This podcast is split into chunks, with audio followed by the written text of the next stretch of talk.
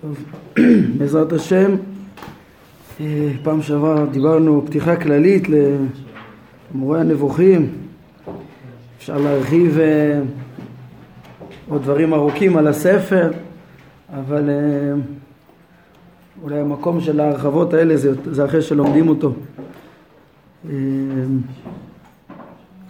אחר כך באמת אפשר לעמוד על טיבו ועל משמעותו ו... בעזרת השם. אז אנחנו ניגש ללימוד הספר עצמו. במהדורה שלנו, עמוד 7, אנחנו מתחילים משיר הפתיחה של הרמב"ם. הרמב"ם פותח באיזה שיר כזה משמעותי מאוד, שמבהיר את המגמה שלו בספר. אומר הרמב"ם, דעי הולך לנחות דרך, יושר לסלול את מסלולה. הוי כל טועה בשדה תורה, סורה, ודרוך יד מעגלה. טמא וכסי לא יעבור בה, דרך קודש יקרא לה. הרמב"ם אומר פה, כן, שהוא הולך להנחות את הדרך הישרה, דרך הקודש, ומזמין, כן, דרך ישרה, דרך סלולה, לסלול את הדרך אה, אל התכלית, לסלול את הדרך, אנחנו נראה שהתכלית, דרך הקודש, זה תכלית לדעת השם והליכה בדרכיו. ודעת השם עמוקה. ויש הרבה טועים אפילו בתוך שדה התורה שלומדים אותה כפשוטה שלא יורדים לעומק סתרי התורה. אז כל טועה בשדה תורה סור ודרוך יד מעגלה בוא לדרך היושר בוא לדרך הקודש לעומק אמנם הרמב"ם אומר שטמא וכסיל לא יעבור בה. יש אה, כאלו שלא מסוגלים להגיע לדרך הזאת, לדרך אה, שהיא בעצם ליחידים, יחידים יכולים להשיג את אה, סתרי התורה, כמו שהרמב"ם מלמד בהקדמה, וכבר נראה. כבר דיברנו על זה שהיום רבותינו כבר דורות מדריכים יותר להרחיב את השורות שעוסקים אה, גם בדרך הקודש פנימה, ומבינים את אה, עמקי התורה, כן, ואצלנו מורנו ורבנו הרב אה, הראייה קוק, שהוא הדריך שממש אפילו ההמון צריכים כבר הוכשרו להשיג רזים וצריך ללמד את התורה לפי עומקה. עכשיו מי זה הטמא וכסיל? אה, כסיל כפשוטו כנראה, מי שלא, אין לו את היכולת להשיג את אה, אה, הדקויות וההבחנות והמשמעויות של, שבעומק התורה, עומק דעת השם. טמא, הם פה מפרשים שזה גם כן טועה. אצל הרמב"ם בכמה וכמה מקומות הוא מדבר על טומאה אה, שהטעות אצל הטעות אחרי עבודה זרה והטעויות השונות הן אה, מכונות אה, בטומאה בתורה בין השאר גם ההלכות טומאה וטהרה. אז הרמב"ם מפרש את זה שזה כן מפורסם שאומר שזה לא איזה מציאות של שרובצת על האדם הטמא אלא בעיקר אה, הגדרות הלכתיות ש, שבעצם התורה דורשת מה, אה, מהאדם להתכונן לפני שהוא נכנס לקודש אה, וזה חלק מהעניין של יראת המקדש. זה נושא שצריך להרחיב בו בפני עצמו בשביל להבין אותו בצורה מדויקת.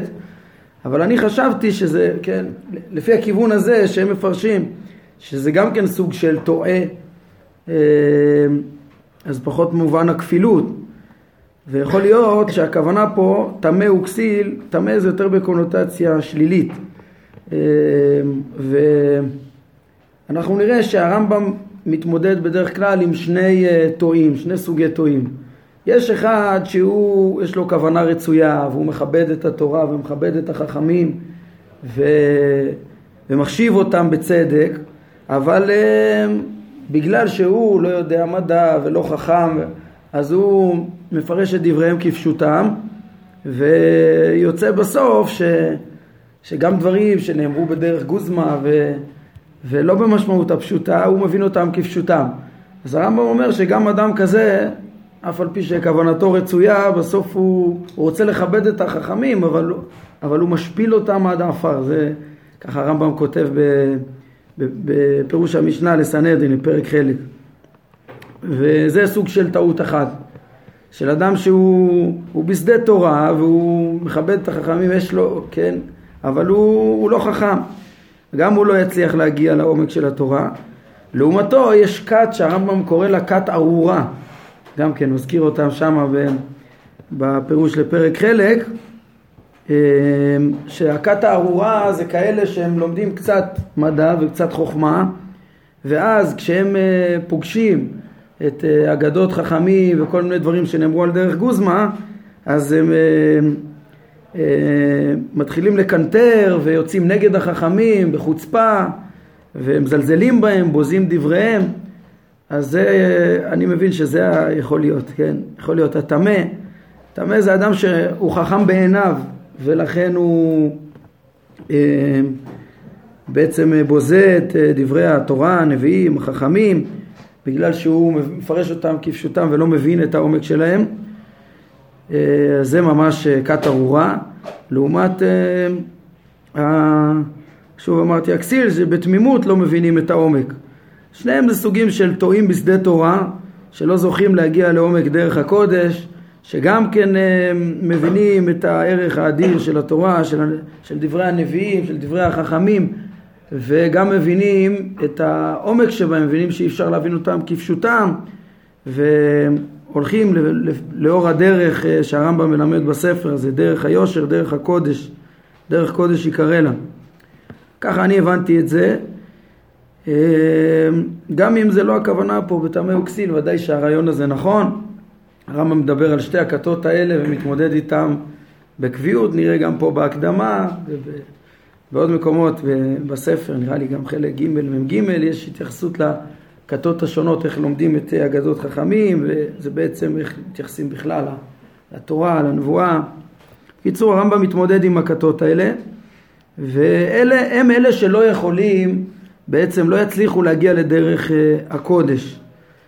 Uh, אני חושב שגם ברגע שהם מבינים מהם הטעויות שמי uh, לא רשאי להיכנס לדרך הקודש, זה גם יכול לתת לנו uh, הצדקה למה אנחנו יכולים ללמוד. כן, זאת אומרת מי שהוא uh, הולך ב... בדרך שהרמב"ם, רוצה ללכת בדרך שהרמב"ם אומר, שהוא על כל פנים מכבד את דברי החכמים ודברי כל שכן התורה והנביאים ורק, ואם הוא לא מבין משהו, הרמב"ם אומר ייחס את החיסרון לעצמו ולא לכתבי הקודש ויתאמץ גם כן לדעת את החוכמה ולא יישאר ב, ב, עם הבנות אה, שטחיות אז אה, בקיצור באופן כזה הוא מוצל משתי הטעויות האלה, והוא רשאי גם כן להיכנס לתחומים האלה ש, שהרמב"ם הולך ב, לדרך הקודש.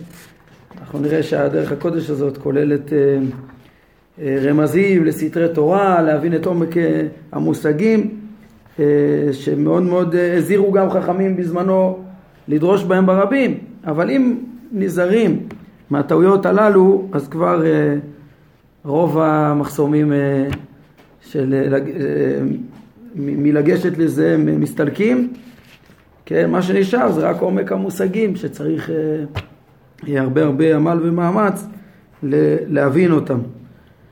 טוב, מה עוד נגיד על ההקדמה הזאת? אולי פה הם הפנו דבר יפה, דאי, כן, על שיר הפתיחה הזה, דאי הולך להנחות דרך, אותו ביטוי מיוחד, דאי, זה אה, מופיע בתנ"ך רק בדברי אליהו אה, וכמה פעמים זה מופיע שם כמו שהם מפנים פה. כידוע אליהו הוא אה, בסוף החכם הגדול שבספר אה, איוב שבו אה, מונחת התשובה לכל אה, כן, תמיהתו של איוב על האיסורים שבאו עליו כל דברי החברים לפני כן לא סיפקו אותו ואחרי אה, אליהו אה, קיבל אה, איוב את הדברים ו... וכולם נשתתקו כולם וכולם, כל החברים לא דיברו נכונה בעבדי באיוב אבל אליהו מדבר לעניין.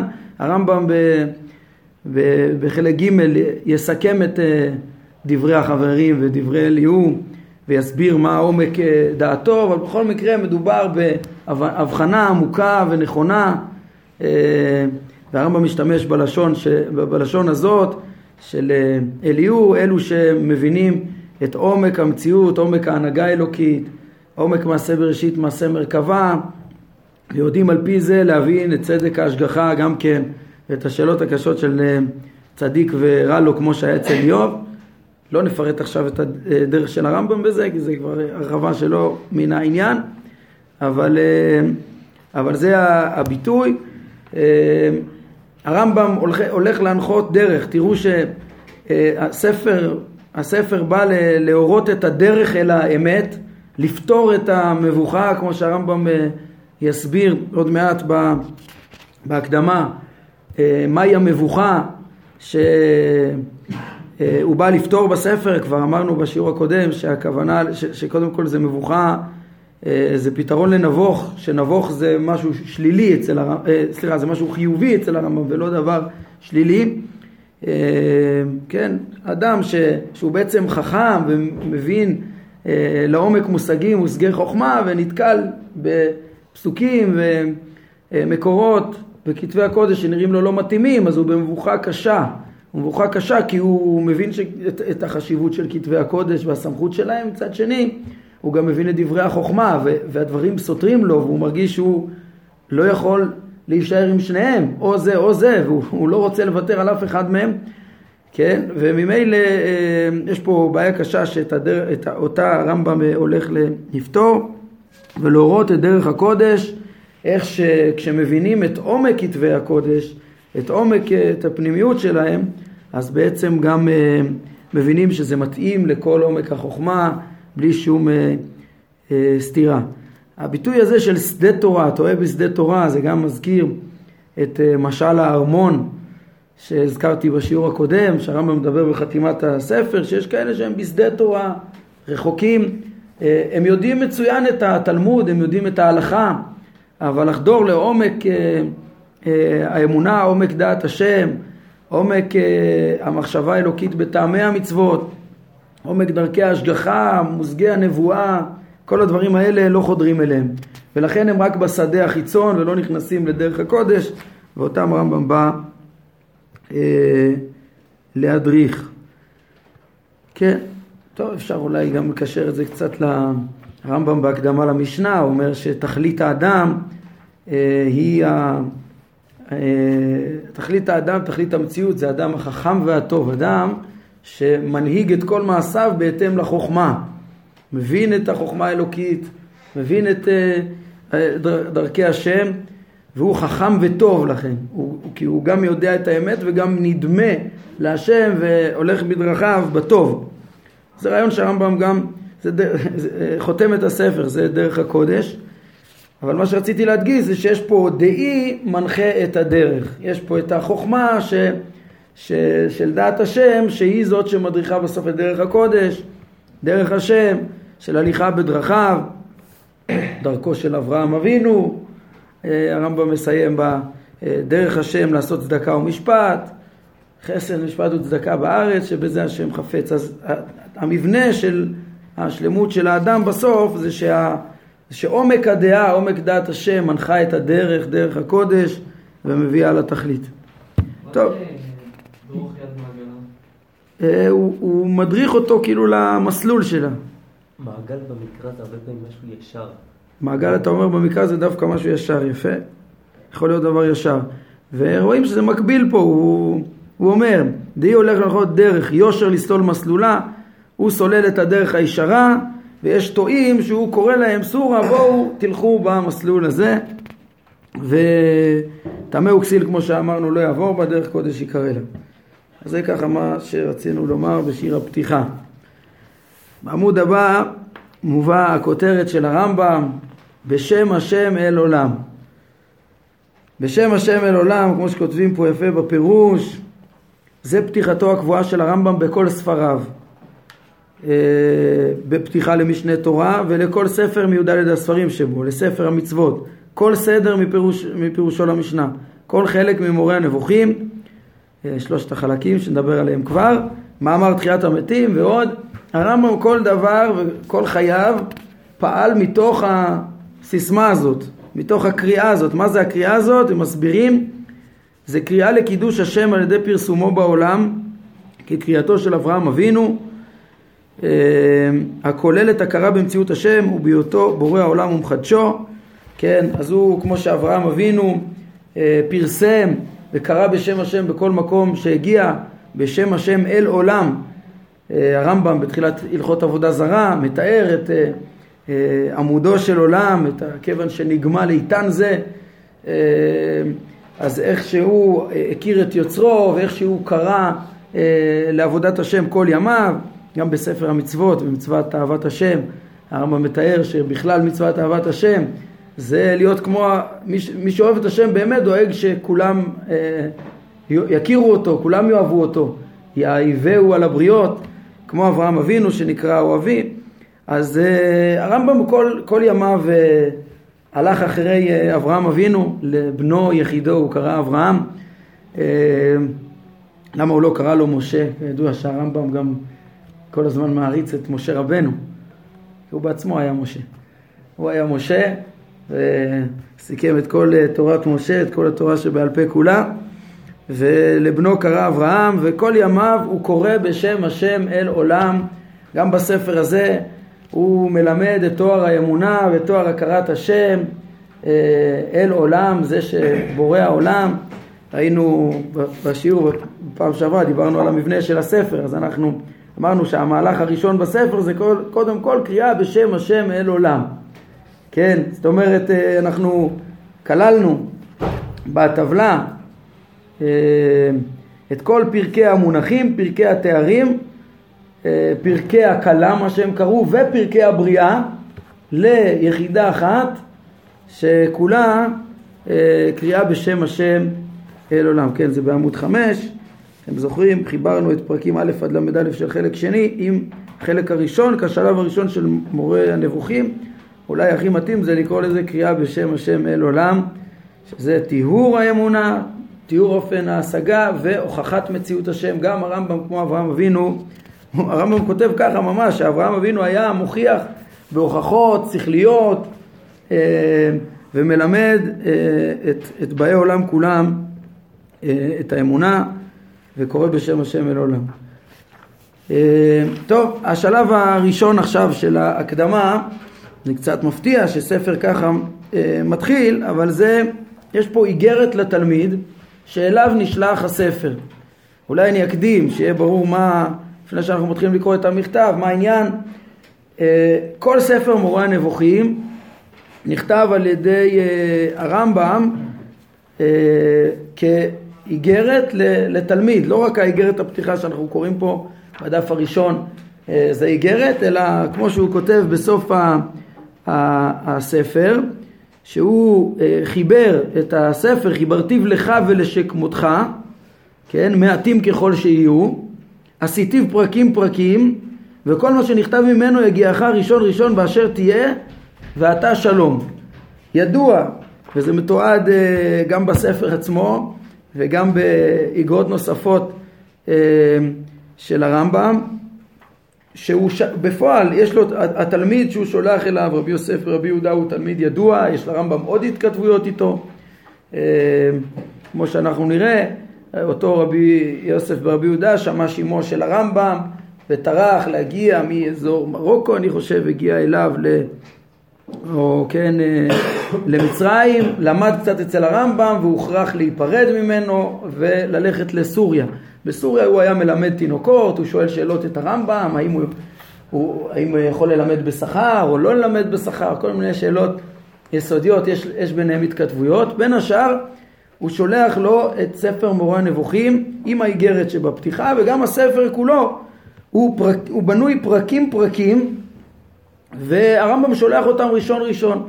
שלושת חלקי המורה זה לא שלושה חלקים שהרמב"ם אה, מגדיר אותם מראש כחלקים, אה, אלא הוא, הוא כתב פרקים פרקים, גם, גם הפרקים בכתבי היד בעצם במקור הם לא, הם, הם לא מוספרו, הם בלי, זה, הרמב"ם פשוט קורא פרק, פרק, פצל, פצל בערבית, כן? ואבן תיבון הוא הראשון שמספר את זה, אבל הרמב"ם בעצם שלח שלוש חטיבות, כמו שהוא כותב אותם, הוא כותב את החיבור ושולח. אם תראו נגיד בסוף ה... סוף החלק א', סוף חלק א', אז מופיע אה, אה, גם כן לשון כזאת שרואים שזה סיום של איגרת. הוא אומר נשלם זה החלק הראשון ואחריו יבוא החלק השני בפרק שתחילתו ההנחות הדרושות, כן הרמב"ם מציין את זה כדי שיהיה ברור לתלמיד שהוא קיבל את ההמשך בלי שום אה, חיסרון, זה בעמוד 335 פה, אותו דבר יש גם בסוף החלק אה, אה, השני, הרמב"ם שלח את זה בשלוש אגרות, וכמו שאמרתי זה מתועד בעוד מקומות. נמצא באגרות הרב שילת, לאחרונה, לא ראיתי את זה לאחרונה, אבל אני זוכר שיש עוד התייחסויות שרואים שהרמב"ם, ככה זכור לי, כן, שהתייחס לאופן שהוא שלח את זה. עכשיו זה ברור שבאופן כללי הרמב"ם תכנן את המבנה של החיבור, אבל חשוב לי להדגיש את הדבר הזה שעולה מפה איך, איך באמת היה, כן, כל הספר נשלח כמו שאמרתי בשלוש אגרות שמחולקות לא לחלוטין לשלושה חלקים, למה זה חשוב לי להגיד את זה? אה, א', זה נראה לי ככה המציאות, אה, אני כבר אתן לזה עוד הוכחה. ב', אולי קודם כל, כן, ההוכחה לזה זה אנחנו נראה בעזרת השם סוף חלק ראשון שהרמב"ם אומר בפרק, אה, כשהוא מתחיל את פרקי הכלם, פרקי התארים, אז הוא אומר בואו אני אסביר לכם מה עכשיו אני הולך לעשות בפרקים הבאים. הוא מסביר מהלך. המהלך הוא כולל, הסברתי את זה בתמצית גם בפעם שעברה, הוא כולל אה, רצון להוכיח את אה, מציאות השם, אלא שהוא מתחיל מההוכחות הלא טובות של המותקלימון, של המדברים, בפרקי הכלם, הוא אומר שזה לא בסדר לבסס את זה על בריאת העולם, את, את מציאות השם על בריאת העולם, אה, לתלות אה, דבר אה, שהוא מוכח וברור בשאלה לא ברורה זה מחליש את האמונה. ולכן הוא מביא את ההנחות שלהם ואת ההוכחות שלהם ודוחה את רובם. והוא אומר ואחר כך אני אביא את ההנחות של הפילוסופים ואת ההוכחות האמיתיות וככה תתעמת אצלנו האמונה בצורה ברורה כן, זה מהלך אחד ברור שבסופו הוא גם משלים, אומר, נו, אז אחרי שהוכחנו את, את מציאות השם, גם בלי קשר לשאלת בריאת העולם, אז הרמב"ם דן בשאלת אה, בריאת העולם ומסביר למה, אה, כן, עד אה, פרטי מעשה בראשית, הוא מסביר למה לדעתו העולם אה, מחודש, הוא מביא בזה טענות חזקות ו, ויפות. אז זה מהלך אחד, המהלך הזה נקטע באמצע בין חלק ראשון לשני, ולא לא הגיוני ש, שהרמב"ם אה, כאילו, זה לא מסתבר שהרמב"ם חילק את זה בכוונה ככה, באמצע המהלך. אפשר לתרץ את זה קצת בדוחק, להגיד שפה אה, בחלק א' הוא רצה להביא, לש, לשלול את ההבנות הלא נכונות. כל החלק הזה הוא שלילת הגשמות, וכן, זה העניין של פרקי המונחים והתארים ו, ושלילת הכלם, והחלק השני הוא כבר מתרכז בחיוב. היה אפשר להגיד ככה. אני יכול לקבל את זה, אבל זה קצת דחוק, זה עדיין חייבים לחבר את ה... סוף סוף זה, זה גם מהלך אחד, למה לעצור באמצע? שמה. אלא הרמב"ם אומר שהוא שולח ראשון ראשון, כנראה גם אם היה יכול לשלוח את הכל, למה, למה לא ישלח הכל ביחד? כנראה שהוא לא סיים את ההגעה או, את ה, או משהו כזה של החלקים הבאים, ושלח מה שכבר מוכן, אף על פי שזה אמצע המהלך. אה, זה בעצם אה, הסיבה ש, שתיקנתי קצת את המבנה של, שהרב מקבילי שרטט בעמוד חמש וכללתי את פרקי הכלם ופרקי הבריאה ביחד, כן? ואז אמרנו שכל זה קריאה בשם השם אל עולם. אחר כך נבואה, השגחה, כן? אז הראיה הנוספת היא שהרמב"ם בכל חיבוריו הוא תמיד מאוד מסודר ותמיד מקדים מראש את המבנה של החיבור. כן, אם זה בפירוש המשנה, בספר המצוות, במשנה תורה, כל החיבורים הקודמים שלו, הוא אומר מה, איך החיבור בנוי. אם מראש היה חלוקה לשלושה חלקים מתוכננת, הוא היה כותב את זה, יש שלושה חלקים לחיבור. אבל הוא אה, לא מספר את הפרקים, רק אומר, עשיתי פרקים פרקים, אני פשוט שולח לך, כל מה שנכתב ממנו יגיעך ראשון ראשון. כן? אז הרמב"ם כבר הגדיר, לכן אה, אני מבין את הדברים האלה. עכשיו נחזור לענייננו. אז הספר נשלח כאיגרת, כן? מה שרציתי רק להגיד בעניין הזה זה להסביר את המבנה של החיבור וזה משליך גם על ההבנה של המהותית של המבנה שלו, כן? כמו שהסברתי לעומת אה, הרב מקבילי, אה, זה, זה בעיקרון. עכשיו, אה, הרמב"ם מכניס גם את האיגרת לתלמיד אה, כפתיחה לחיבור, אתם רואים, יש שיר פתיחה לפני כן ובשם השם אל עולם, זה חלק מהחיבור, זה לא איזה הקדמה לחיבור שלא אמורה להיות מועתקת עם החיבור, הוא צריך להיות מועתק עם החיבור, למה? אז זה, זה, זה מובן מסוף האיגרת, כמו שהוא אומר לו, שהוא חיבר את החיבור דווקא לך ולשכמותך, לך ולשכמותך, כמו שאנחנו נראה הרמב"ם באיגרת מסביר לתלמיד מה הביא אותו לחבר את החיבור מה הוא מצא בתלמיד, איזה תכונות יש בתלמיד, תכונות מתאימות, אה, שהן התכונות המתאימות בעצם לאדם אה, שכמותו מתאים לו לעסוק בחיבור. וממילא זה גם, אה, גם הרב מקבילי כותב בזה, אני חושב שזה ההסבר הפשוט, למה הרמב"ם רואה בזה חלק מהחיבור, בגלל שהוא מתאר בעצם את התכונות של הלומד המתאים שאליו אה, נכתבו הדברים.